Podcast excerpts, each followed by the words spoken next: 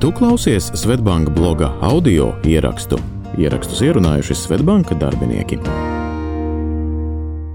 Deviņi būtiskākie padomi, kā neuzķerties uz finanšu krāpnieku esmām.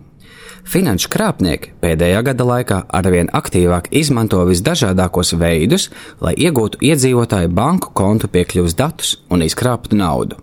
Viņi zvana, raksta un ielaužas mūsu ikdienā ar skaidru plānu, pārsteigt nesagatavots, izmantot apmulsumu un iegūt naudu vai personas datus. Tāpēc esam apkopojuši deviņus būtiskākos padomus, kā neuzķerties uz krāpnieku esmām. Pirmais padoms Neizpaudiet bankas paroli un smart ID kodus, lai cik uzstājīgi tos arī neprasītu. Neievadiet kodus, ja vien pats nesat uzsācis darbību, kuras apstiprināšanai tie ir nepieciešami. Šī informācija sargā jūsu naudu un identitāti digitālajā vidē. Šobrīd aktivizējušies krāpnieki, kas zvana un lūdz nosaukt bankas kartes un internetbankas datus, bieži vien uzdodoties par kādas bankas vai smartēdī pārstāvu. Viņi izmanto tādas tehnoloģijas, ar kuru palīdzību var noviltot ekrānā redzamo tālruņa numuru vai uzņēmumu nosaukumu kā zvanītāju.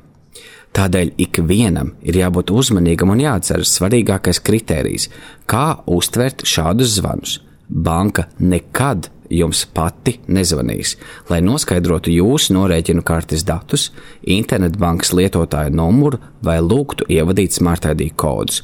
Tā stāsta Vadims Frolovs, Svetbanka klientu servisa pārvaldes vadītājs. Otrais padoms. Atcerieties, vienmēr apstipriniet ar smartID kodu tikai tās darbības, kuras pats esat ierosinājis. Piemēram, uzsākot tik vienu darbību Svetbanka internetbankas vai lietotnes izmantošanai, Smart ID lietotnē tiek parādīts atsevišķs papildu lokus. Tajā jūs varat redzēt savu darījumu detaļas, piemēram, kā ar Smart ID kodu ievadīšanu jūs plānojat pieslēgties mobilajai lietotnē vai ienākt internetbankā, veikt maksājumu, reģistrēt jaunā ierīcē mobilo lietotni vai Smart ID kontu. Tās ir jāpārbauda un jāapstiprina, un tikai pēc tam jāievada savs pinkods.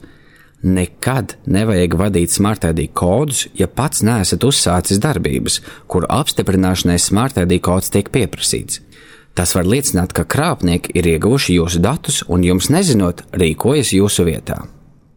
Trešais padoms - nepakļaujieties steigai, agresijai un citiem krāpnieku psiholoģiskiem paņēmieniem Šādos gadījumos nekavējoties pārtrauciet sarunu, vienmēr esiet uzmanīgi atbildot uz nezināmu zvanītāju zvaniem.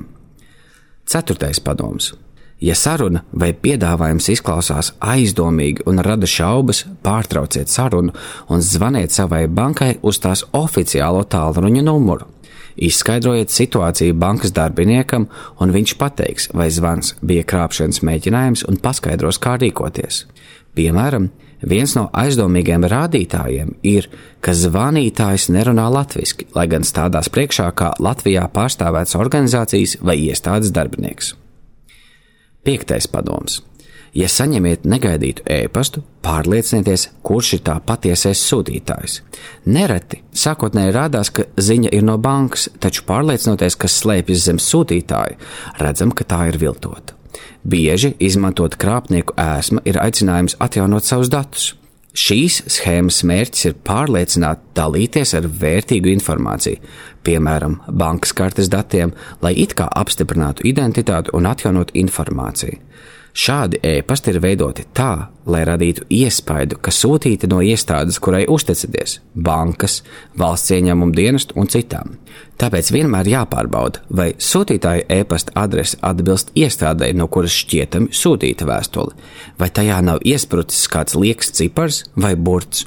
Līdzīgi jārīkojas ar e-pastā ietvertajām saitēm uz tīmekļa vietnēm. Jāpārbauda, vai tām ir saistība ar iestādi, kuras vārdā sūtīta vēstule. Ja e-pasts šķiet aizdomīgs, izdzēsiet to un ziņojiet par krāpšanas mēģinājumu.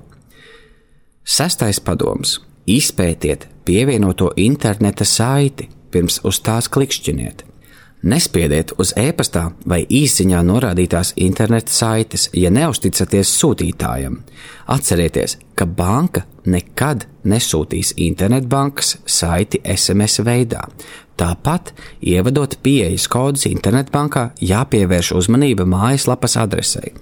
Ja tā nav jūsu bankas oficiālā mājaslapas adrese, šādā lapā pieejas kodus ievadīt nedrīkst. Septītais padoms ja piedāvā investīcijas ar nulles risku un milzu peļņu, tā ir krāpnieku ēsma. Nevelti saka, par brīvu ir tikai sirs peļņas lasdā. Jo lielāku peļņu sola, jo lielāki ir iespējami zaudējumi. Vienkāršs veids, kā pārliecināties par piedāvājuma patiesumu, ir meklēt informāciju Google par attiecīgo uzņēmumu un investīcijām. Noteikti iesaku apskatīties Latvijas Finanšu un Kapitāla tirgus komisijas mājaslapā, kur var atrast licencētus investīciju pakalpojumu sniedzējus. Tā saka Vadims Frolovs. Astotais padoms - regulāri pārbaudiet izējošos maksājumus no sava konta. Uzstādiet ienākošus paziņojumus par izmaiņām kontā, vai pārbaudiet konta pārskatu pēc iespējas bieži, lai ātrāk pamanītu aizdomīgus darījumus. Tā jūs nevarēsiet pārsteigt ar maldinošām ziņām par darbībām kontā, jo būsiet labi informēts. Devītais padoms. Neatsaucieties aicinājumiem instalēt programmatūru savās viedierīcēs. Banku vai investīciju uzņēmumu darbinieki nekad neaicinās instalēt papildu programmatūru jūsu viedierīcēs, lai palīdzētu veikt ieguldījumus. Ar tām krāpnieki iegūst piekļuvi ierīcei un izkrāpj naudu. Un tomēr, ja gadās pakļauties spiedienam un pieļaujat iespēju, ka esat izpaudis savus internetbankas datus krāpniekam, nekavējoties vērsieties bankā. Vienmēr ziņojiet arī policijai par iespējamajiem krāpšanas gadījumiem, pat tad, ja neesat kļuvis par krāpnieku upuri. Ja esat apkrāpts, iesniedziet iesniegumu tuvākajā valsts policijas iecirknī vai elektroniski portālā Latvija LV. Brīdinājumu par dažādām aizdomīgām darbībām interneta vidē sūtiet izskatīšanai policijai mobilajā aplikācijā Mana drošība. Šo un citus rakstus iespējams izlasīt blog.svetbank.cl.